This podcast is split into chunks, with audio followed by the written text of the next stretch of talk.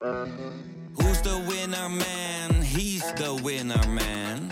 Is hij miljonair? Geen idee, maar nou en. Je hebt geen jackpot nodig to be a winner man. Oh oké, dat is wel lekker man.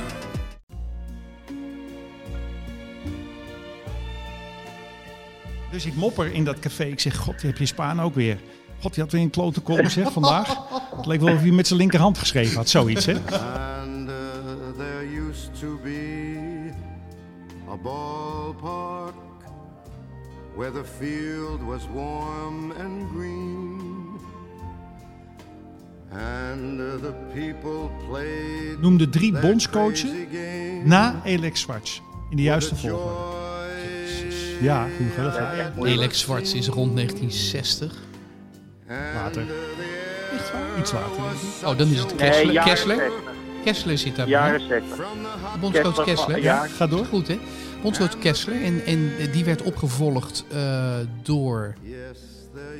Vadronk. Vadronk misschien. Vadronk en toen Michels. Ja. Want Vadronk moest... Nee, moest- want, eh, nee, Zwartkruis nog Nee, ertussen. nee, Nee, nee, nee, nee, nee, nee, nee. Jullie vergeten Happel en Zwartkruis. die kwamen later. Nee, Nee, Happel was supervisor. Die kwamen later. Zwartkruis Vadronk was in werd, 76. moest, mocht niet naar 74, want dat moest Michels worden. Ja, 76. Nee, Michels ging na 74 naar een Duitse club. Nee, maar Nee, nee, nee, nee, nee, was nee. bondscoach. Dus 88. Toen gingen we naar het, naar het WK en toen moest Michels bondscoach worden. Toen moest Vadronk een stapje opzij doen. Ja, dat klopt. Super, als supervisor werd hij... En daarna kregen we Zwartkruis en Happel. En, en toen hij supervisor was, bij welke club zat hij toen, Michels? In Duitsland? Barcelona. Was het niet... Nee, bij Barcelona, maar dat was die trainer. Bayer Leverkusen. Bayer Bayer Leverkusen. Leverkusen. Oké, we gaan 88. beginnen. Of we zijn wel begonnen? Nou ja, zal ik de situatie even schetsen waar Ja, we schets jij de begeven? situatie even. Eh, Matthijs van Nieuwkerk in een heel mooi jasje gekleed Nou zeg. tijdens deze podcast. Kan het zijn dat dat... Ja, dacht ik wel. Ja, is Etro. Ja, Etro. Hugo Borst, eh, zijn haren strak achterover gekamd, mooie grijze baard. Verder een, eh, een redelijk casual zwart shirt aan. Zelf gekleed in een spijkerpak. En Henk Spaan in Frankrijk. Eh, Henk, wat heb jij aan? Ik heb een blauw hemd aan en een zwarte broek. En zwarte sneakers. Je zit met je gezicht in de Franse zon hè? en je kan hier niet zijn vanwege de lockdown. Ik zit buiten. Ik, eh, de zon staat eh, te branden. En eh, ik kan niet eh, deze, dit departement uit. Want eh, eh, het reizen is hier zeg maar, met grote kracht eh, beperkt. Dus eh, de hamer die Rutte zo graag hanteert, is door Macron wel gebruikt. Ja, Ik daarom, mag niet eh, naar Nederland. daarom niet hier aanwezig, maar we zien wel een hele mooie foto van jou op het scherm. Om toch het gevoel te hebben dat je erbij bent. Zo, zo heb jij hem leren kennen, toch? Laten we, de luisteraars, Eh, eh, laten we de luisteraars even beschrijven wat we zien, Matthijs. Nou ja, we zien een jonge Henk Spaan. Ik denk dat Henk er ongeveer zo uitzag toen ik hem leerde kennen. Dat is begin jaren 80, Ja, 1983, jaren 40 hier. 84 denk ik. Eh, ja. dat denk ik wel. Grote bril. Hele grote bril, eh, een soort krullenbol nog. Het is, dit is iets later. Henk was toen ik hem leerde kennen nog iets ruiger. Langer krulhaar. Altijd een leren jackie. En rookte caballero's. Veel, heel veel caballero's. Ja, lekker. Ja, Heerlijk. ja, en ik heb Henk leren kennen. Dat is misschien toch wel aardig om te vertellen. Henk kwam in de pels. En ik kwam op een gegeven moment als student Nederlands ook in de pels. Wij stonden aan een bepaal, in een bepaalde hoek. En achter in het café, dat was een hiërarchie in dat café, stonden er wat be- belangrijkere klanten. En het waren in het geval van Café de Pels bijna alleen maar journalisten die ik bewonderde. Of, of, of, of schrijvers, of Kees van Koten, Remco Kampert, Adriaan van Dis, eh, Henk, Rogier Proper, Jan Donkers. Nou, noem het maar op. Het hele rattenplan, de hele HP, toen nog, Haagse Post, stond daar. En daar keken wij dan met eh, van afstandje eh, naar nou. Jij met Mark van der Heuvel. Nee, ik met Mark van de Heuvel, Ja? Harry Valkenet, Klaas Treur niet. Maar die namen zullen niet iedereen wat zeggen, zal niet iedereen wat zeggen. En eh, Henk schreef in het Parool. En eh, Henk deed dat, naar mijn idee, maakte hij zich met een Jantje van Leijen vanaf. Dus ik zat wel eens... Hè, hoezo? Nee, luister nou even. Ja, ja, ja. Dus ik mopper in dat café. Ik zeg, god, heb je Spaan ook weer. God, die had weer een klote kolom zeg vandaag. Het leek wel of hij met zijn linkerhand geschreven had, zoiets. Hè? En toen zei op een gegeven moment, zei Dirk Wiarda, hij rustte in vrede. Dat was een beetje de burgemeester van het café. Ja. Een beeldend kunstenaar. Kunstschilder. Kunstschilder. Ja. Heel, heel groot en heel rond. En die zei, ja, praatjes hè? Ik zeg, nou ja, praatjes. hè. Nee, maar dat moet je, eh, moet je eens opschrijven, joh. Even, even je tanden laten zien. Moet je opschrijven, en dan moet je het naar Propiacures sturen. Dat is een studentenblad. Waar Henk ooit redacteur van was. Ja. Dat is de wieg van heel veel talent, was dat. En ik wist niet precies de procedure, is me uitgelegd. Ik heb een stukje geschreven onder een schuilnaam, Matthäus. Heel laf eigenlijk. En eh, het werd geplaatst. En als het geplaatst werd, afgedrukt, dan was dat eigenlijk al een triomf. Dan kon je eigenlijk de slingers al ophangen. Want dan hadden ze hier in, in het snotje. Status. Ja. Dus ik kwam in de pels en deed ik weer, ja, hoor, het is je gelukt. Dus eh, nou, biertje voor Matthijs. Komt Henk, maakt zich vrij uit zijn groep. Ja. En die komt naar onze groep. De confrontatie. En die zegt, zo, er staat een stukje over mij in Propiacuris. Geschreven door ene Matthäus. Staat hij hier toevallig in dit kringetje? en ik zeg, ja, dat ben ik. En toen zegt Sorry, Henk... eh, Matthijs. Mag ik, mag ik even Nee, ingrijpen? zo is Mag het gegaan, hoor. inbreken? Ja, maar eh, jij stond aanvankelijk wel achter de rug van Dirk Wiarda, omdat ik dichterbij kwam. Nee, dat kan. Dat ik in het begin... Zeker, zeker. Maar, Jij weet niet hoe bang mensen Maar, van eh, jou maar ik- zijn, ik moet- Spaan. de, de, de, de punchline komt nog hoor, Ja. jongens. Jazeker. De punchline is namelijk de volgende. Henk kijkt mij aan, dus ik had me bekendgemaakt als de auteur van dat stukje. Henk kijkt mij aan en die zegt, vadermoord, zeker? En dat vond ik Mooi. zo goed. En daarna hebben we volgens mij een biertje gedronken, Henk. En zijn we eh, hele Ja. goede vrienden van elkaar geworden. Maar mag ik even Ja, als, als eh, buitenstaande een vraag stellen? Had jij heel negatief geschreven? Want dat, je- zei in die kroeg deed je een beetje stoer van, nou heeft hij met zijn linkerhand had- geschreven. Wat ik heb had jij in dat... helemaal de grond in Maar wat vond je dan? Het, kan je één ding uithalen wat je stom vond aan, aan Henk Spaan toen de tijd? Hij deed zijn best niet. Maar hij deed zijn best ook Hij was laks. Hij was laks. Nee, maar dat is ook logisch. Weet je wat een Kijk, bakken aan geld er binnenkwam destijds? Want Nee, toen, dit was voor de grote Oh. televisieroom volgens mij van Henk. Of, of Nee, ik, ik deed alleen maar radio. Volgens mij was het tussen start Oh. en finish. En daar was ik een fan van. En mijn ouders hebben het Parool. Ik ben daarmee opgevoed met die krant. Als je in het Parool stond, ja, dat is de krant van Kamichelt, van Annie G. Schmid en ook van Henk Spaan. Henk was natuurlijk niet de eerste het beste. Nog steeds. Alleen, ik vond echt, en dat vond ik ook, en ik denk dat Henk me nu gelijk geeft, hij deed, dat was niet zijn beste tijd. Beetje, Ja, beetje bleek. Drie, ik, drie columns in de week, hé. Nee, dat kan. Drie in de week. Ja. vind ik geen argument hoor. Maar ik Om heb dan- Henk om dan dus- een klote Ja, stukje ja, te leveren. Zo goed als ik kon, heb ik Henk helemaal de grond in geboord, ja. Maar En uiteindelijk... daar is onze vriendschap uit Nou ontstaan. ja, het is goed gekomen, want daar is hard gras onder andere uit ontstaan, toch? Even Ja, een linkje, 15 jaar, 15 zeker. jaar later. linkje Ja. naar de podcast, want we maken een Hardgras podcast Ja. met eh, het verhaal van de maand, de schatkist van Hardgras en natuurlijk eventueel ergens nog een gedicht van Henk, ook vanuit Frankrijk. Ja, nee, maar ik wou eerst nog even. Eh, we, we zijn ook besproken, behalve door jouw vrienden van de Mannenpodcast. Ja, man, man, man, de Door, podcast, inderdaad. Ja, die waren lovend. Maar we zijn ook besproken door eh, een eh, vrouw die heet Misha Blok. Die was ook lovend in haar uitzending. Ja, weet ik niet. In haar uitzending over de, de podcast. Eh, maar daar zat bij Vincent Bijlo. En die was zagrijnig. Oh, Die vond het eigenlijk. eh, nee, die vond het eigenlijk maar niks. En eh, hij had als argument, bijvoorbeeld ja. Dat wij eh één minuut lieten horen van, eh, of twee minuten van Marcel van Roosmalen. Ja. En ja, ja, zei Vincent Bijlo. En dan wil ik dan dus dat hele verhaal horen. Dat was. eh, Ja. Maar dat is toch precies het idee ook eh, van, van deze podcast, ook een beetje reclame maken voor het blad. Zeker. Maar ik, vond het, ik, eh, ik citeer het niet met instemming hoor. Wat hij Maar misschien kunnen we vragen aan Marcel van Roosmalen of hij langs wil gaan bij Vincent Bijlo. Zeker. Het verhaal voorleest voor- en daar Ja, dan ook weer ja. een, een verhaal over schrijft. Voor Vind ik geen slecht Ja. idee. Vind ik best een goed idee. Ik kom hem wel eens tegen, Ja. Vincent Bijlo.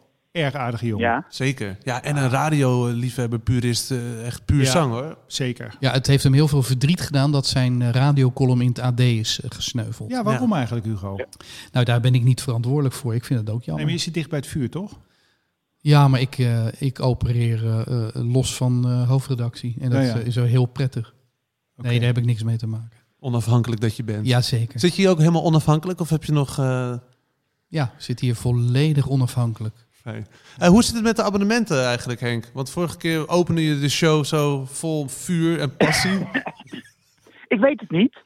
Eh, dat heb ik, daar heb ik nog niks over gehoord. Nou, we Maar hebben het is wel 15 1500 abonnees op, op eh, Spotify. Spotify. Nee, maar ik dacht echt voor het blad. Omdat de, Henk, dat zijn, dat zijn Nee, dat heb, ik is. nog niet, heb ik nog niet gehoord. Nou ja, Eh, Het kijk. is wel natuurlijk zo dat wij moeten wel blijven herhalen dat de luisteraars naar deze podcast natuurlijk eh, in grote getalen abonnee van het blad Hartgras moeten worden. Hier moeten wat viooltjes, violen onder. Nee, maar zij kunnen zichzelf daarmee verrijken.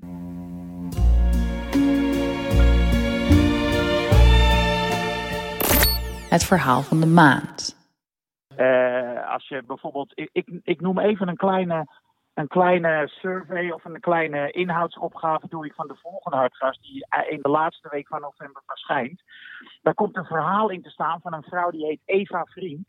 Dat is een historica. Die heeft 7.500 woorden geschreven over de club Urk. Het is zo meeslepend en geestig opgeschreven. Wat goed. Urk blijkt, en dat, en dat wist ik helemaal niet, Urk blijkt, laten we zeggen, de Atletiek de Bilbao te zijn van eh, de Nederlandse amateurcompetitie. Er spelen alleen maar Urkers in Urk. Eh, de, de jeugdteams van Urk spelen niet tegen andere teams, jeugdteams, maar spelen tegen elkaar. tegen elkaar. Ehm, Beetje incestueus is dat toch? nou, dat woord Daar wou werden al van beticht, toch? Maar eh, het is wel, het is heel erg grappig. En ze hadden een trainer van buiten gehaald. eh, die nu de trainer is van Urk. En die moet er heel erg aan wennen. Want die wilde wat oude getrouwen op de bank eh, zetten. Mhm. Maar dat doe je dus niet in Urk. Maar dan spelen ze niet in de hoofdklasse, denk ik. Nee, ze zitten daar net onder. Ze hebben wel hoofdklasse gespeeld hoor. Ja, En ze zijn ook kampioen geweest. Maar ze zitten daar één of twee klassen onder. Maar ze spelen wel hoog. Ja. Wat, wat zou er op de Ja. borst staan van de shirts? Dat moet een, vis, Visboer. visboer, zijn, Ja. dat kan niet anders. Ja. Ik was over visboeren Ja. gesproken, over, over dit soort plaatsjes gesproken. Ik, ik heb een rolletje in het Sinterklaasjournaal, wat, Hey. wat binnenkort begint. Ja, ik ben de burgemeester van Zwalk. En ik wil graag dat de boot in mijn dorpje Zwalk aanlegt. Dat is mijn rol. Maar dat speelden we in eh, Spakenburg. En ik moest me omkleden in de kantine van de voetbalclub Spakenburg. Ik was daar nog nooit geweest, maar er zijn dus in dat hele kleine dorpje twee gigantische stadions. Naast elkaar, Zeker. kont aan kont. Toch, Ja. IJsselmeervogels. IJsselmeervogels Ja. Spakenburg, maar in zo'n klein dorpje. Het is, dat is, ja, er is al veel over geschreven en, en documentaires over gemaakt. Maar als je er een keer staat en je ziet hoe groot dat is. En dat dat dorp dus gespleten wordt tussen de rode en de, en de blauwe. Het is ongelooflijk. Ja. Ongelooflijk. Ja. Was het niet desolaat? Omdat er helemaal niks was qua voetbal, qua rook Ja. nog wel naar kiksen en, en Het rookt niet naar Kiksen, het rookt naar eh Visagie Ja. en eh Mijters. En, eh, Maar leuk dat je erin zit. Ja, ik zit de burgemeester van Zwalk. Ik, wil, eh, ik, had, eh, ik heb veel contact met Diewertje. Had ik. En uh, roetpieten, neem ik aan? Ik heb geen Piet gezien, want die hadden op dat moment een andere. Ik, ik ben met een, met een bus eh, lagere scholieren ben ik eh, tekeningen gaan ophalen.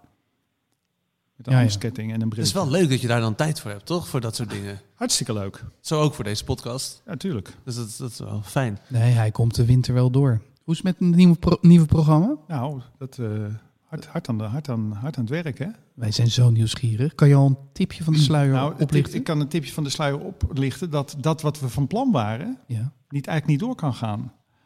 Omdat er gewoon geen publiek komt. jeetje. En dit idee. Vanwege het coronavirus. Ja, tuurlijk, Ja, uiteraard. Ja. En dit idee, om, hè, die, die show die ik voor me zag, laat ik het zo maar zeggen, en dan zeg ik nog niks, maar goed, daar hoorde heel veel publiek bij. En, en daar werd natuurlijk ook een decor op ontworpen. Gelukkig nog niet gezaagd. Maar daar word je toch heel zagrijnig van, man. Nou, daar werd ik ontzettend zagrijnig van. Dus ik moest, de, de goede raad was duur. Ja. Dus er moest een nieuw plan komen, want ja, we, we moeten er natuurlijk zijn op oudejaarsavond. En nu hebben we een nieuw plan. En nu ben ik weer rustig. Fijn. Maar het is dus een, echt een ander plan dan we hadden. Het is zo raar. Je moet steeds, steeds schakelen in Ja. deze tijd. Zo ook dus met Henk aan de telefoon. Het is ook zo gek. Want normaal zit je hier, Henk, met je mooie witte krullen.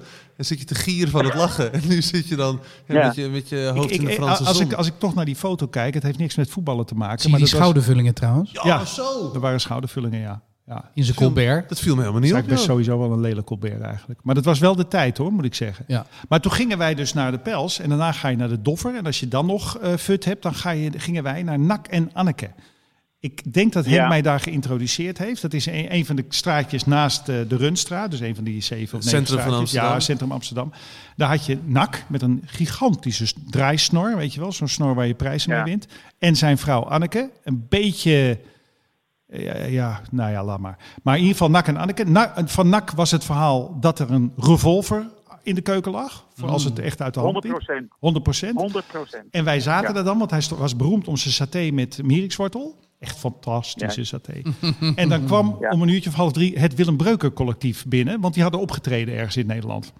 Nou, Ja. daar, daar mocht ik met veel belangstelling naar kijken. Ik, ik ken het Willem Breuker collectief niet. Is dat een fenomeen?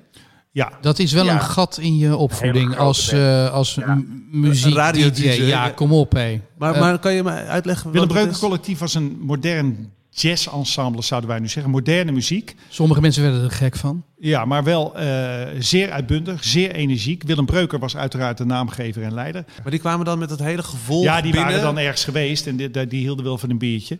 En die kwamen dan binnen en, die, en die namen die zaak in eigenlijk. En daar kon ik, Ja, ik was natuurlijk hartstikke jong, weet je wel. Ja, Matthijs, aan de bar zat altijd Dick Swidde.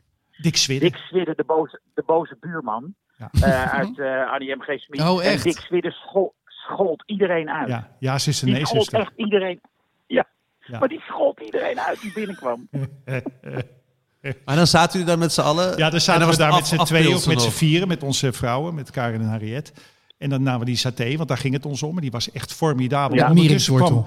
Met mierikswortel. En die, en die nou, je kan je, luister, dat is niet onbelangrijk dit detail. Mierikswortel, Mhm. hè, horseradish, kan je kopen in potjes. Dat gebeurt natuurlijk veel. Dat heb ik thuis ook. Maar je kan hem ook schrapen van de wortel. En dat deed nak. Ja. En dat is dus wel echt een verschil. Spel NAC even. NAC, want we zitten in een vo- NAC. NAK. NAK. NAK. Oké, nee, we zitten natuurlijk in een voetbalpodcast. Ja, nee, nak. Ja. Met een K. Prachtig. Ja, dit soort verhalen, ik smul ervan. Ja. En die revolver is nooit gebruikt in jullie bijzijn? Het gerucht ging, hij heeft een revolver, dus pas maar op. Oké, dus je hield je wel in. Als je een Ja, kwaad hij had ook, eh, hij had ook dat Zuid eh mescal, dat Zuid-Amerikaanse drankje met een levende slang erin. Hè? Ja, met een wurm op de bodem. Ja, sommige mensen dronken daarvan. Dat vond ik wel vies. Ja. Leven ze nog? Dat weet ik niet. Nee, die wurmen leefde niet. Maar dat hoort, onderin een mescal zit een wurm.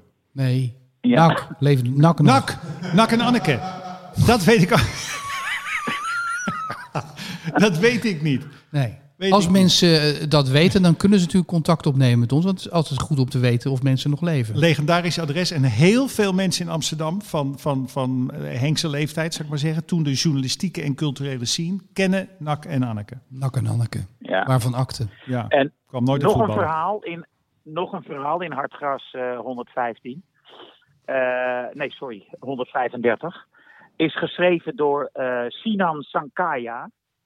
Dat is een, eh, een Turkse Nederlander die eh, onlangs debuteerde met een roman. Eh, die roman heet Mijn ontelbare identiteit. Het gaat over inburgering. En mijn dochter, Sophie, die zat dat te lezen. Eh, en die zei eh, tegen mij opeens: Pap, je moet hem vragen. Hij heeft bij NEC gevoetbald. Sorry, NEC. Ja. En eh, ik ging dat boek toen ook lezen. En inderdaad, zeg, daar kwam, eh, hij zat in de opleiding van NEC. En hij schrijft dus voor de komende hartgras een stuk voor ons over de, zijn jaren in de opleiding van NEC. Dat wou ik ook nog even kwijt. Heel goed. Henk, je had een gedicht? Ik heb zeker een gedicht. Wat- wat- Eh, ja? Dat ga ik straks voorlezen, ja zeker. Ik heb eh, naar jou geluisterd. Ik heb dat ene gedicht over Johnny Cruijff opgezocht. En eh, dat ga ik straks voorlezen. Oh, Maar ik stel voor om eerst even eh, het verhaal van de, uit de schatkamer van Hartgras op te diepen. oké.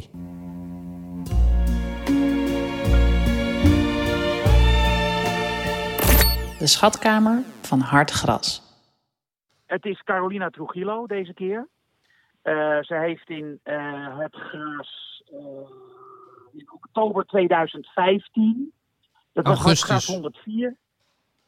Oktober, oktober 2015. Oh. Hartgras 104. Oh, daar Eh, heb ik, oh, ik heb 105 Je hebt zitten het verkeerde lezen. gelezen, Hugo. Ook een goed verhaal van eh Caroline. Dat, eh, dat, dat verhaal heet Op een gegeven moment, maar dan eh, in het Spaans. En een momento dado. En zij heeft uitgezocht. Enfin, we laten eerst even een stukje van Carolina horen. Mijn moeder drinkt van haar mate. Ik ken de burgemeester van Barcelona, zegt ze. Ze heeft haar een keer ontmoet op een feministisch congres. Geweldige vrouw. Waarom schrijf je daar niet over? Ze was activiste, dat weet je? Ik luister maar half, terwijl ik in de Spaanse database teksten over gegeven momenten lees. Ze wil je wel een rondleiding geven. De burgemeester?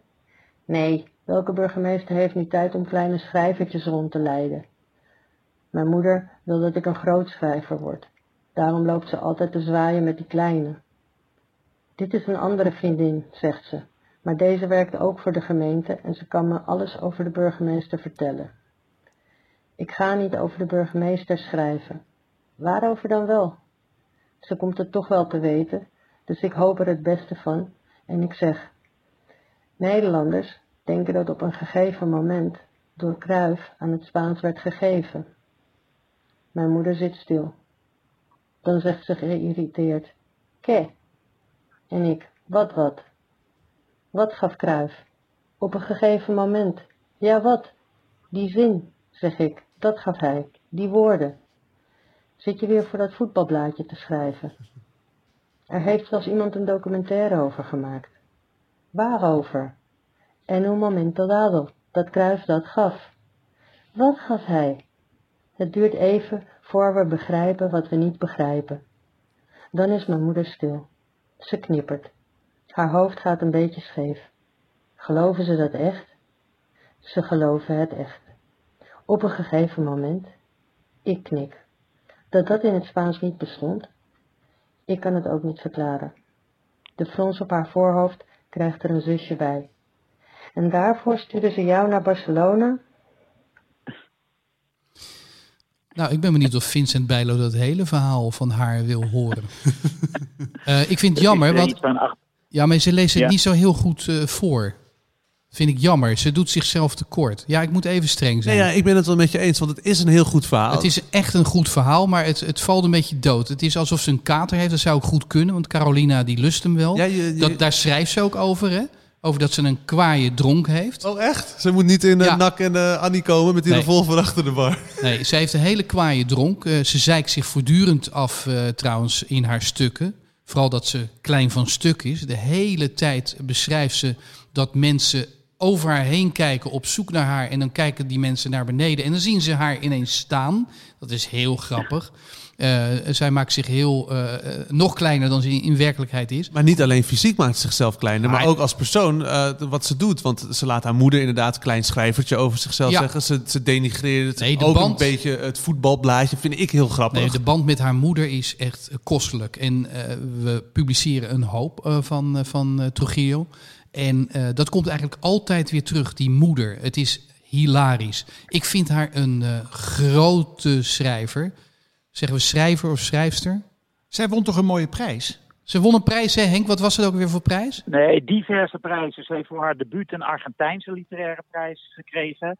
Ze heeft eh, de. BNG-prijs gekregen. En onlangs heeft, dat is al een tijdje geleden, maar onlangs won ze de Jan Hanlo-prijs. Voor eh, verzamelde verhalen uit haar gras. Maar hoe Eh, kan het dan zijn dat zij, dat zij eh, in, in de volle breedte nog niet bekend is? Dat zij ontbreekt in de CPMB top 60? Want Ja, ik denk dat het eerlijk gezegd een kwestie van tijd is. Ja. Op een gegeven moment komt er een boek. En op een gegeven moment, zeg jij nou op een gegeven moment? Zeker. ja, dat is het leuke van dit verhaal. Dat zij weet al lang dat die term en un momento dado, ik spreek het vast helemaal fout uit, Nee dat die gewoon in de, eh, in de, in de Spaanse eh, lectuur en literatuur, dat dat al ver voor Kruif Ja. voorkwam. En dat eh, Nederlanders denken dat Kruif dat heeft bedacht. Eh, dat het een verspreking was van Kruif. Een, Ja. zeg maar, een letterlijke vertaling van een Nederlandse uitdrukking. En daar moesten dan de Spanjaarden om lachen. En jij Maar- stuurt haar op pad, hè? Jij bent eh, de baas en Ja, zij wordt naar Barcelona het gestuurd, waar ze onder het- erbarmelijke omstandigheden in, in hele smerige hotels eh, moet bivakeren. En nou ja, zij gaat op zoek en, en ze komt eigenlijk tot de conclusie dat het... Nou, vertel jij het maar, Henk. Nou, eh, zij vindt uit dat eh, het feit dat Cruijff die term aan de Spaanse taal heeft gegeven, de Spaanse taal daarmee heeft verrijkt, dat stamt uit de koker van een, correspondent. En die pu- publiceerde dat voor het eerst in een, weet ik veel, Noord... eh, Volgens mij een Gronings. Le-. Leeuwarden Of een Courant, Leeuwarden dacht ik. Courant? Oh ja, moeten we maar ja, uitkijken. ergens in Noord-Nederland, in 97, Ja. kwam dat te staan. En een dag later stond hetzelfde verhaal in de Telegraaf. Alleen met een andere naam er te, Eh, eh, van onze verslaggever stond Ja. eronder. Oh ja, en dan heeft zij uitgezocht wie dat was. En dat bleek dus de vrouw te zijn van die vent in, die, eh, in dat... eh, van de, Leeuwarden, van de Courant. dat- Van de Ja. Leeuwarden Courant die dat een dag eerder had geschreven. En zo is het in de wereld geholpen. Sindsdien weet heel Nederland dat Cruijff deze uitdrukking aan eh, de Spaanse taal heeft gegeven. En het is natuurlijk volstrekte onzin. En dat is heel erg grappig zoals zij dat, eh, eh, verteld. Ik, moet er, ik wil even nog even zeggen dat, zoals bij alle echte goede schrijvers, ziet het er bij haar altijd gemakkelijk uit. Ja. Eh, het lijkt wel een soort van ja, stilistisch bijna volmaakte opsomming van gebeurtenissen. Maar het is gewoon een doorvrocht verhaal. En dat zegt alles over haar enorme vakmanschap. Ja, en dan te bedenken dat zij niet een native Nederlands is.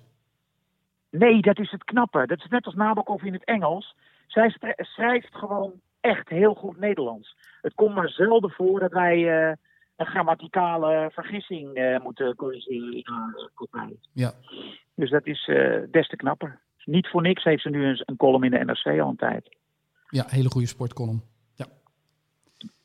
Nou, daar hebben wij eh, Carolina eh, goed besproken. En eh, wij raden mensen die naar ons luisteren aan om eens eh, ja, ander werk van haar eh, te scoren. Want Ja. het is gewoon steengoed. En we hebben er ook een tik op de vingers gegeven dat ze beter moet voorlezen.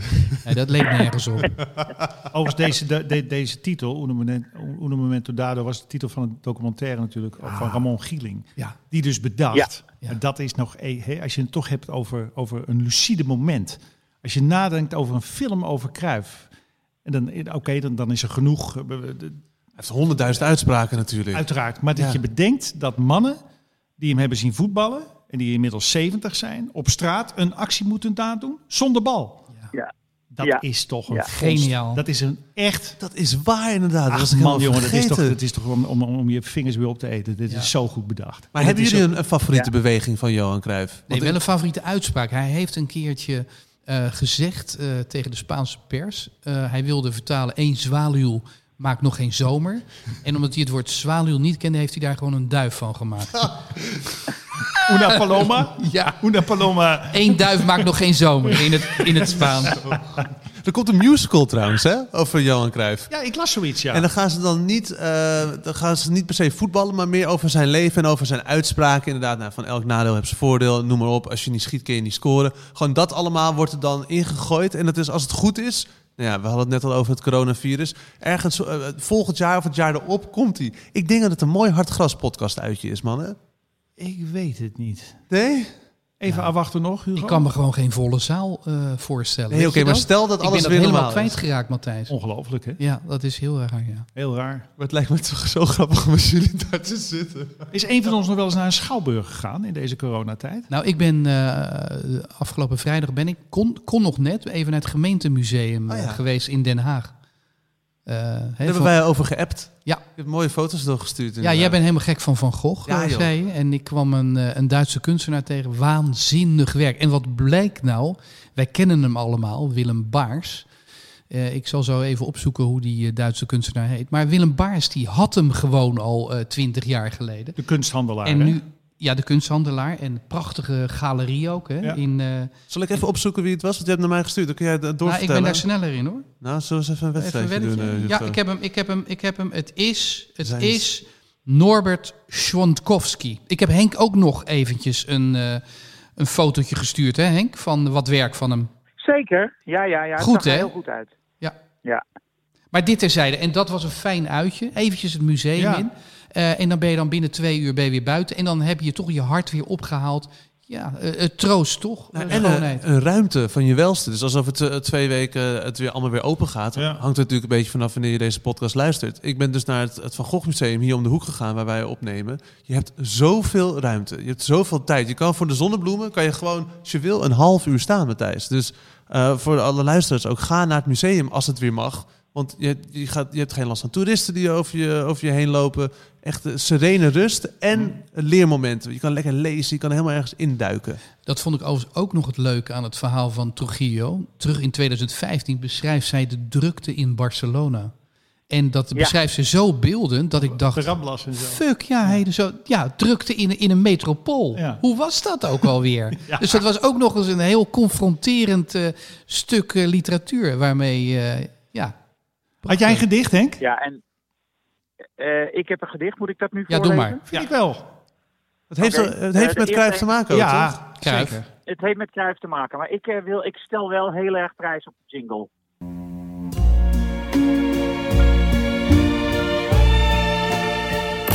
Ik heb een gedicht. Dit gedicht heet Jordi Cruijff Vergelijkenderwijs. Waarom schilderde Rembrandt Titus? Gaf hij hem dubbele duurzaamheid met die alledaagse attributen uit de keukenkast? Latjes, linnen, olieverf en kwast. Zijn motief was niet zo alledaags en verborgen in de diepste genen van alle vaders uit elke tijd. Een zoon tegen de sterfelijkheid. En de zoon denkt, kijkend naar de sterren, ben ik alleen gekomen als vervulling van mijn vaders dromen? In het duister van de nacht heeft Titus van Rijn het vaak genoeg vervloekt om Rembrandts zoon te zijn. Is dat mooi of niet? Ja, prachtig. Ja, ik ken hem niet. Voor jullie is het een klassieker, zie ik. Ik denk Maar- dat ik het een van je mooiste gedichten eh, vind, Henk. Nou, mooi, dank je. En ook Ja. wel schrijnend, toch? Wat, wat eh, wordt gezegd van ben ik alleen maar gekomen voor mijn vaders dromen? Universeel. Ja, en het gaat over. Jordi Cruijff. Ja, het is, eh, het is, eh, is gewoon hard. Het is meestelijk gewoon. Meestelijk, meestelijk gedicht. Hebben jullie nog een gedicht, mannen? Want vorige week, eh, of vorige aflevering, toen werd ik om mijn oren geslagen met gedichten. Ja, nee, ik heb, eh, Hugo, ik had, ik had er veel vorige keer. Dat klopt, ik was iets te dominant, poëtisch Eh, gezien. er is er eentje van Jules die ik uit mijn hoofd ken, maar dan eh, weet ik niet of ik hem helemaal heb onthouden. Als de geest van Bok de Korver zich warm loopt langs de lijn en de kreet Sparta naar voren boven het kasteel uitstijgt, weten wij de tijd gekomen ons te gorden tot en strijd en de vijand te bestormen tot hij een hartverzakking krijgt. Nimmer zullen wij verzagen, strijden om elke meter grond. Nooit de Spartamars beschamen op het Europese front.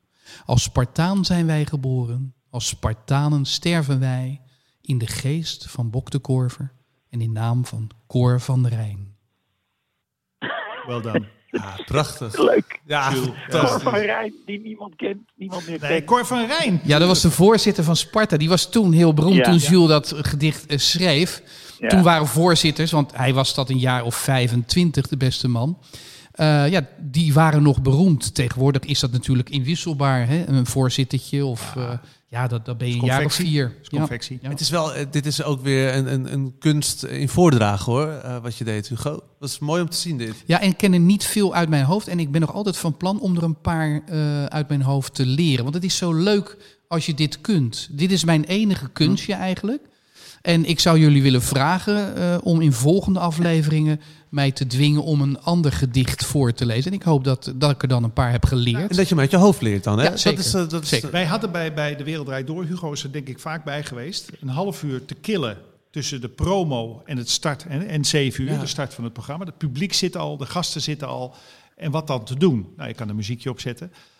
En dat zullen we in het begin ook wel gedaan hebben. Maar Wat ook altijd gebeurde na het einde toe met Aretha Franklin, Ja, weet zeker, ik. natuurlijk. Ja, En de band ja. gaat spelen. Maar op een gegeven moment had je ook geen band of de band was klaar. En dan had je nog steeds tien minuten. En toen bedacht ik een keer, dat zal in een poëzieweek geweest zijn, je poëzie uit het hoofd. En dan liep ik zo de gasten langs. En de meesten zeiden, nou, dat weet je, nu Ja, overval spanning, Maar tuurlijk. er zaten een aantal vondsten. De mensen hadden poëzie uit het hoofd. Ja. Ongelooflijk. Waaronder Thierry Baudet. Die was de gast. En het was zo'n moment. Verbaast Poëzie- mij dan weer niet. Een klassiek... Poëzie uit het hoofd. En hij zegt, welke taal? Oh. Voilà, voilà. En ik zeg Frans. Hij zegt, dan doe ik Voltaire. Zo. En hij deed zo een gedicht van Voltaire. Ik zeg, en nu Duits. En toen deed hij Heine. Jezus. Ja, dat is... Ik stem niet op hem, maar dit... Wat, Maar hij is natuurlijk wel belezen, dat, dat, dat weten Dat bleek, we. Ja. dat bleek. Ik zit dus ook al, ik zit er natuurlijk nu weer eh, als gast bij in deze Hartgras podcast met heel veel liefde. En ik zit natuurlijk ook te denken eh, of ik dan een gedicht, of, of ik mee kan doen met deze... Oh, je hebt er een. Nee, nee, ja, niet. Kijk, het enige wat ik uit mijn hoofd weet, Ja. dat is van, dat heb ik van mijn moeder geleerd. Zij is basisschooljuffrouw. En zij zei vroeger altijd, woensdag schoonste dag der dagen. 's ochtends nog een halve week, 's middags nog twee dagen. En dat is dus het enige gedicht wat ik uit mijn hoofd weet. Dus verder dan dat kom ik niet. Ik Het is een kan, tegeltje, tegeltje. is Ja, het. dat zijn tegeltjes. Ja. ja, maar ik kom Maar niet verder dan is dit. schrijven? Ja, mijn moeder? Nee, ik heb geen idee. Nee, dat is niet je moeder. Dit is, Nee, dit is een wel- bekende toch? Nee. Die Ja. heeft ze weer van haar moeder. En die weer van haar, Haar moeder. moeder. Nee, ik denk wel dat het, eh, dat het van een eh, schrijver Nee, dit is een bekende hoor. Dit is gewoon eh, wel bekend in Overigens, Nederland. Matthijs, jij refereert net aan eh, De Wereld Draait Door. En vooral dat, dat half uur voorafgaand aan De Wereld Draait Door. Maar ik vond dat half uur voorafgaand eraan minstens zo belangrijk als de uitzending. Ja, Ik heb dat ook wel eens ergens eh, gezegd. Want je zat helemaal in de sfeer van het programma. Eigenlijk eh, had het moeiteloos, wat mij betreft, opgenomen kunnen worden. Uitgezonden Maar kunnen het is toch ook allemaal opgenomen? Of in het ieder is allemaal geval opgenomen en heel veel dingen kon je op de site de muziek. zien. Ja. En dat vroegen we altijd. Hè. Vind je het goed dat we het uitzenden? En de bandjes kregen natuurlijk een gratis clip extra. Eh, En zeker jonge bandjes, die hadden gewoon een clipje wat ze door konden Ja. En sommige mensen zeiden, nee, dit was echt, eh, dit wa- was ik niet helemaal blij mee. Want we vroegen ook gekke dingen. Wil je met hem meezingen? Probeer maar wat. En Nico Dijkshoorn pakte altijd gitaar en die, eh, Die deed een blues. die deed altijd een bluesliedje. Nico deed woensdag altijd een blues. Of een, eh, of een, een liedje van Little Feat. Of eh, ja, nee, we- dat klopt. Ja, dat ontstond omdat we bij toeval zo vroeg al klaar zaten. Maar dat is ook essentieel en dat zullen veel mediamakers herkennen. Ik zou nu niet meer anders eh, hebben. Stel dat er weer eens publiek komt. Je dan begint weer een half uur op eerder, zaterdag toch? een half uurtje eerder beginnen. Ja. Ja. dat denk ik wel. Denk ik wel. Henk, jij zit in Frankrijk. Ja, dat zal wel duur zijn Ja. om met ons te bellen. Ehm Kamavinga, hoe zit het daarmee? Camavinga eh, speelde niet tegen Chelsea gisteren. Voor Ren. Eh, zat ook niet bij de selectie, dus dan weet je het wel. Dat vind ik wel heel slecht nieuws. Nee, ik denk dat hij eh, gewoon eh, positief getest heeft. Oh, dat weet ik niet dat? zeker hoor, maar dat, dat is mijn conclusie. Want dit is het Franse talent waar Henk het de eerste aflevering al over had. Ja, die we in de gaten moeten houden, toch? Ja, hij heeft het ook Zeker. gehad eh, in podcast 1, Henk, over Awar. Awar, ja. Hoe gaat het daarmee? Die moest Die naar Barcelona volgens jou, toch? Eh, het zou een hele goede zijn. Barcelona die wilden hem ook hebben, maar die zijn praktisch failliet, dus die kunnen hem niet betalen. Maar eh, ik heb toevallig eh, van de week naar een andere podcast geluisterd. Eh, kijk, de ironie wil dat ik in Nederland kan ik wel alle Franse competitiewedstrijden zien. Maar hier in Frankrijk kan ik er maar één of twee zien in het weekend. Want die Ligue 1 is voor ontzettend veel geld verkocht aan Chinezen. En die zenden alleen maar online uit. En ik heb hier een wifi, eh, nou ja, dat is onbeschrijfelijk. Dus ik kan dat niet zien. Maar goed, eh, die was onderdeel van een podcast, De Neutrale Kijkers, van Jordi Jamali en Peter Buurman. En eh, die, die hebben speciaal gekeken naar de wedstrijd in dit weekend tussen Lyon en Lille. Lille waar Sven Botman speelt. En die, zei, die keken ook eigenlijk vooral ook voor Awar. Maar die werd tot hun grote woede, werd die, of teleurstelling, werd hij gewisseld naar rust omdat er een speler van Lyon een rode kaart kreeg. En dan halen ze, sommige trainers halen dan graag hun beste speler van het veld. Waarvan acte? Dus eh, dat is de stand van zaken op dit moment. Eh, Botman nog even een tussenstand? Botman is goed. Door jou ontdekt. Botman, Laten we dat even vaststellen. Heel zo. Nou ja, het is wel zo. Botman is heel solide. Heel solide. Henk, En eh, er is. Ja. nee, ik, eh, eh, ja, het, ging- het is eigenlijk een, een zijstraat 12 dit hoor. Maar heb jij nog een abonnement op Vrij Nederland of niet? Nee.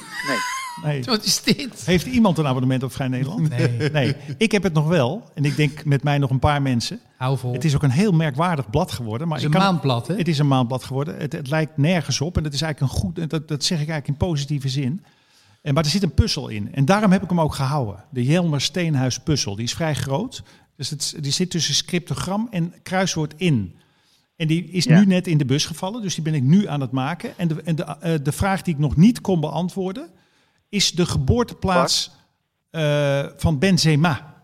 Ah, en daar hadden we natuurlijk eh, de vorige Weet jij die? over. Lyon? ja, dat is Lyon. Is dat Lyon? Dan vul ik Ja, dat in. zeker. Nee, maar dat wist ik niet. Ik denk, ik, nu, ik spreek je nu toch. Maar bij die quiz staat ook dat je dan geen Google mag gebruiken, toch? Dat je alleen je naaste Nee, omgeving... ik gebruik geen Google. Nee, dat is Eh, Op flauw. het laatst, als ik echt niet meer uitkom, ga ik Google. Maar je moet gewoon om je heen vragen. maar ik ben net vanochtend begonnen en toen kwam ik hier. En, en ik, ik wist het antwoord niet. Ik denk, nou, dat, als ik Henk spreek, kan ik Ja. het maar even vragen. Ehm, over Ja. quizzen eh, gesproken. Ik heb natuurlijk een vraag voorgeschoteld gekregen van Matthijs eh, vorige keer.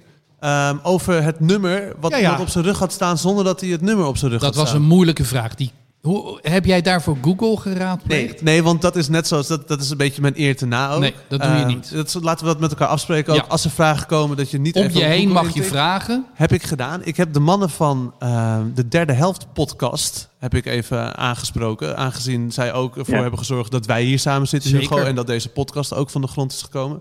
En zij kwamen met het goede antwoord. Daarna ben ik wel gaan googlen, want ik wilde veel hierover weten.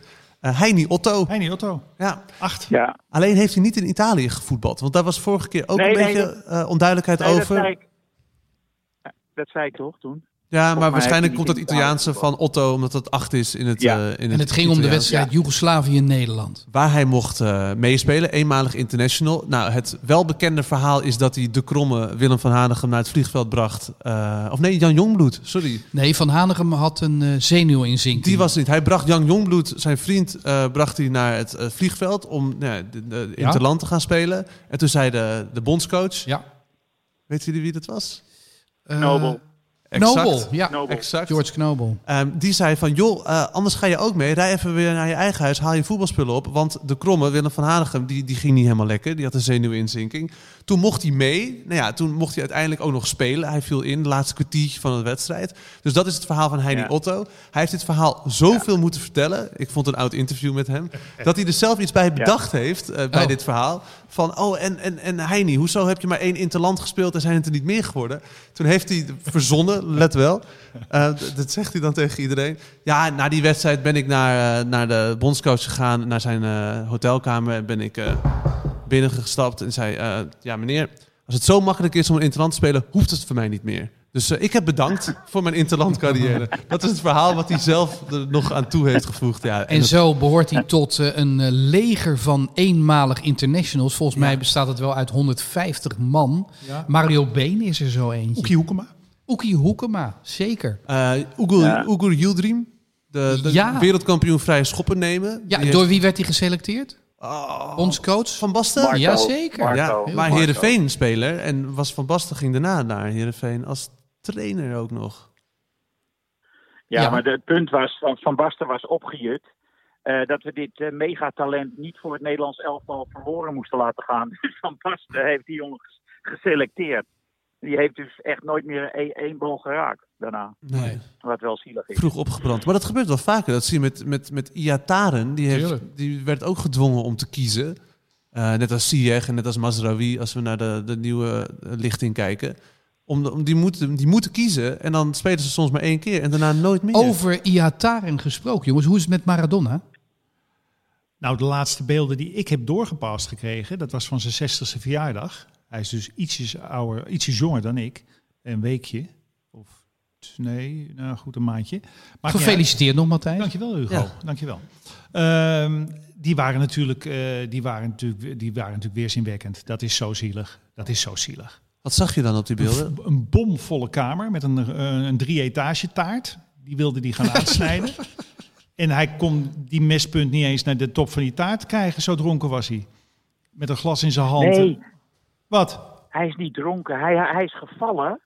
En Ja, maar- hij heeft een, eh, een hersenbloeding Het- eh, oh, oh. heeft hij Nou ja, door dat, die val. hij had een wit gla- een glas witte wijn in de hand in ieder geval. Hij, het was... En dan val je dus. Nee, maar hij viel niet. Er stonden echt, het was ook coronatijd, hè? even voor de goede orde. Men stond opgepakt werkelijk, waar op en in elkaar stond zo'n Ja. kamer met, met Argent. Maar het is zo zielig. Het is zo zielig, deze man. Er is, er is ook, ja. Ja. dat hij nog leeft is natuurlijk al een Maar godswonder. doet het jullie pijn om dat te zien? Ik vind het... eh, Want als ja, ik Van de Vaart of Snijder zo zou zien, de- die jongens Nee, van mij maar hij is liggen maar, nee, maar Nou, dit- van dit de vaart scheelt niet veel. Hè? qua, qua Ja, dikte dat is een hele vrolijke gozer. Maar dit, Ja. dit was natuurlijk de, de allergrootste. Die acties daar in, in, in, in Mexico. Ja, en dan zie je dit. En ik heb die documentaire, die film gezien. Je ziet ook hoe het gekomen is. Dus er is ook misschien geen, er was Ja. ook misschien niet eens een alternatief. Hoe sterk je ook in je schoenen stond. Nee. Maar dat stond hij niet. Maar het is zo zielig. Nee. Maar doet het ook wat Ik dan? vond... eh, wat, Zoals, het, zoals Amy Winehouse me wat deed, weet je wel. Het is gewoon, je wordt geleefd door de roem. Je kan het niet aan. Het is gewoon, het is, eh, ja, hoe moet je ervan zeggen? Het is sneu. nou, die dokter die zei wel iets moois. eh, die dokter voor de deur van het ziekenhuis. Het is niet makkelijk om Maradona te zijn. Ik, ik zag het hem Dat zeggen, eigenlijk ja. wel. Dat Ja. is echt wel een mooie uitspraak. Want Dat je ziet dat niemand zo. hem daar ook helpt of zo. Het is, ze juichen alleen nog maar, weet je wel. Dan begint hij weer eens over, je hoort hem nog net, Napoli, eh, ik weet niet wat hij allemaal brabbelde. Ja. Maar hij was wel met succes geopereerd. Dus eh, Ja. nou, hopelijk is het leven weer verlengd. Alleen je kunt je afvragen, wat is het voor leven? hè? Je bent natuurlijk eh, de komende tijd een schim van de man die je was. Hij was natuurlijk geniaal in het veld, maar eh, ja, Eigenlijk is het wanneer is het fout gegaan. Ja, na, na, Nou ja, je zijn- hebt, na je zijn hebt ook 30ste. Pele. Hè? Pele is natuurlijk, was ook de grootste voetballer Ja. ter wereld. Is als een sa- ambassadeur, die is geloof ik ook, eh, die is nu 80 net, geworden. Net 80 geworden, ja. Hè? ja. Die gaat nog steeds als een soort eh, prins met een kaarsrechte rug de wereld over en laat zich toejuichen. Eh, zo, zo kan het ook gaan. Die zal in Brazilië ook rare dingen hebben meegemaakt. Maar Maradona was nog een, was meer tv, het was meer mondiaal, het was, ik weet niet. Maar Hij wij- was niet beschermd. Dat, dat is zijn grote probleem. Hij leefde net in een, in een, een tijdvak dat voetbal heel groot werd. En dat hij zo aanraakbaar was dat hij eigenlijk gewurgd is. Hè? Of, of in de knel is, is eh, geraakt. Want hij kon ook geen, geen eh, maat houden. Hij was ook een, een, een pleaser. Eh, dus hij wilde ook met het, het volk waar hij zich mee vereenzelvigde. Ja, daar wilde hij mee praten, daar wilde hij mee zijn. Hij, hij is natuurlijk 1 miljoen keer op foto's eh, gegaan. En nou ja, goed, als het, Ja. als het zelfs Harry Vermegen is eh, gelukt om hem een heel Nou ja. lelijk Delfsblauw eh, molentje te overhandigen. Eh, daar had hij overduidelijk geen zin in. Weet je nog, Ja, Henk? daar- Hij zat bij Sevilla toen. Ja, Ja. dat heb je mij ooit verteld, Henk, op het terras. En dit is zo'n goed verhaal. Ja. Jullie gingen Maradona opzoeken, Ja. of althans jouw wederhelft toen Voor op tv. die twee nieuwe koeien. Ja, Harry Vermegen. En, en Ja. hoe ging dat dan? Nou, nee, Nou, we wilden, eh, we Leo- wilden hem interviewen, hè, Henk? Nee, vertel jij maar. Ja, we wilden, hem, we wilden hem interviewen. Het was volgens mij de eerste aflevering van Nieuwe Koeien in april 93. Als ik me goed herinner. En eh, Leo Verheul kende de... Leo Verheul was een redacteur van ons. Ja, En die kende de visio van Maradona. Die kende de visio van Maradona. En eh, nou ja, er was contact gelegd. en, maar zomaar een interview, dat deed Maradona niet. Dus wij hadden bedacht dat Maradona in Nederland was uitgeroepen tot de grootste buiten-Europese voetballer van Europa. En we hadden een walgelijke, lelijke beker laten maken. eh, die, dit, eh, die dit wapenfeit vorm gaf. Ja, die titel was Dus, ook echt eh, volstrekt voor, verzonnen. Zelf verzonnen, Matthijs. Dat is toch fantastisch? Eh, en Leo Verheul Ja. had heel goed contact met eh eh, Signorini. Dat was de vertrouwensman van Diego Maradona. En eh, Leo zei, het, eh, als we nu afreizen, dan, dan kunnen we gaan. Nou goed, eh, die twee nieuwe koeien, business class, naar Sevilla. En inderdaad, met dat afschuwelijke molentje, Delsblauwe molentje, onder de arm. Nee, nee, niet molentje. Het was een beker. Het was een hele grote beker.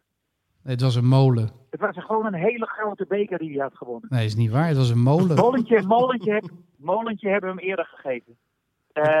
WK 1990. Nou, ik ga even aan wat fact-checking doen, want eh, volgens mij is, eh, is Ja. dit...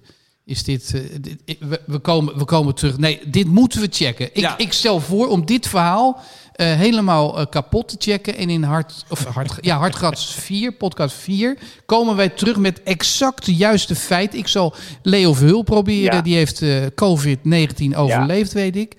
Ehm, eh, als, Henk, als Henk even wil bellen met Vermegen... om het verhaal van die kant even goed te checken... ja. Dan komen we met de goede versie. Is dat goed? Dan, eh, de- want we zitten nu ruim over de tijd. Zo'n podcast moet je ook niet langer doen dan drie kwartier, hoor, volgens mij. Toch? Ik heb wel nog een quizvraag voor eh, Frank. Oh, ja, voor de volgende kan. aflevering. Graag. Geef me Nee, je mag niet googlen. eh, je mag alleen maar om je heen vragen. Eh, we hadden het net over Lyon. Bij Lyon speelt in de basis al jarenlang een voetballer die eh, ook voor PSV heeft gespeeld. Wie is dat? Zo. Valt, vallen stilte hier. Ja, ik ben even aan het nadenken. Ik ben redelijk Ja. op de hoogte van het actuele voetbal. Maar hier gaat even geen belletje. Is het eh, een verdediger, aanvaller of Nee. middenveld? Of zeg je zoek het uit van de lende? Nou, nee, dat zoek ik maar uit. Maar Is het Fransman? de basis.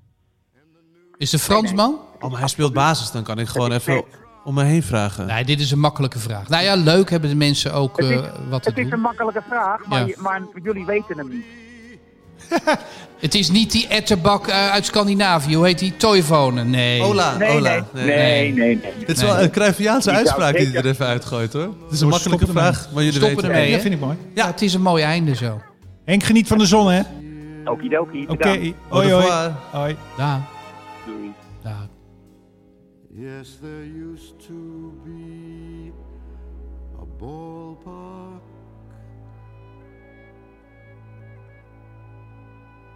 right here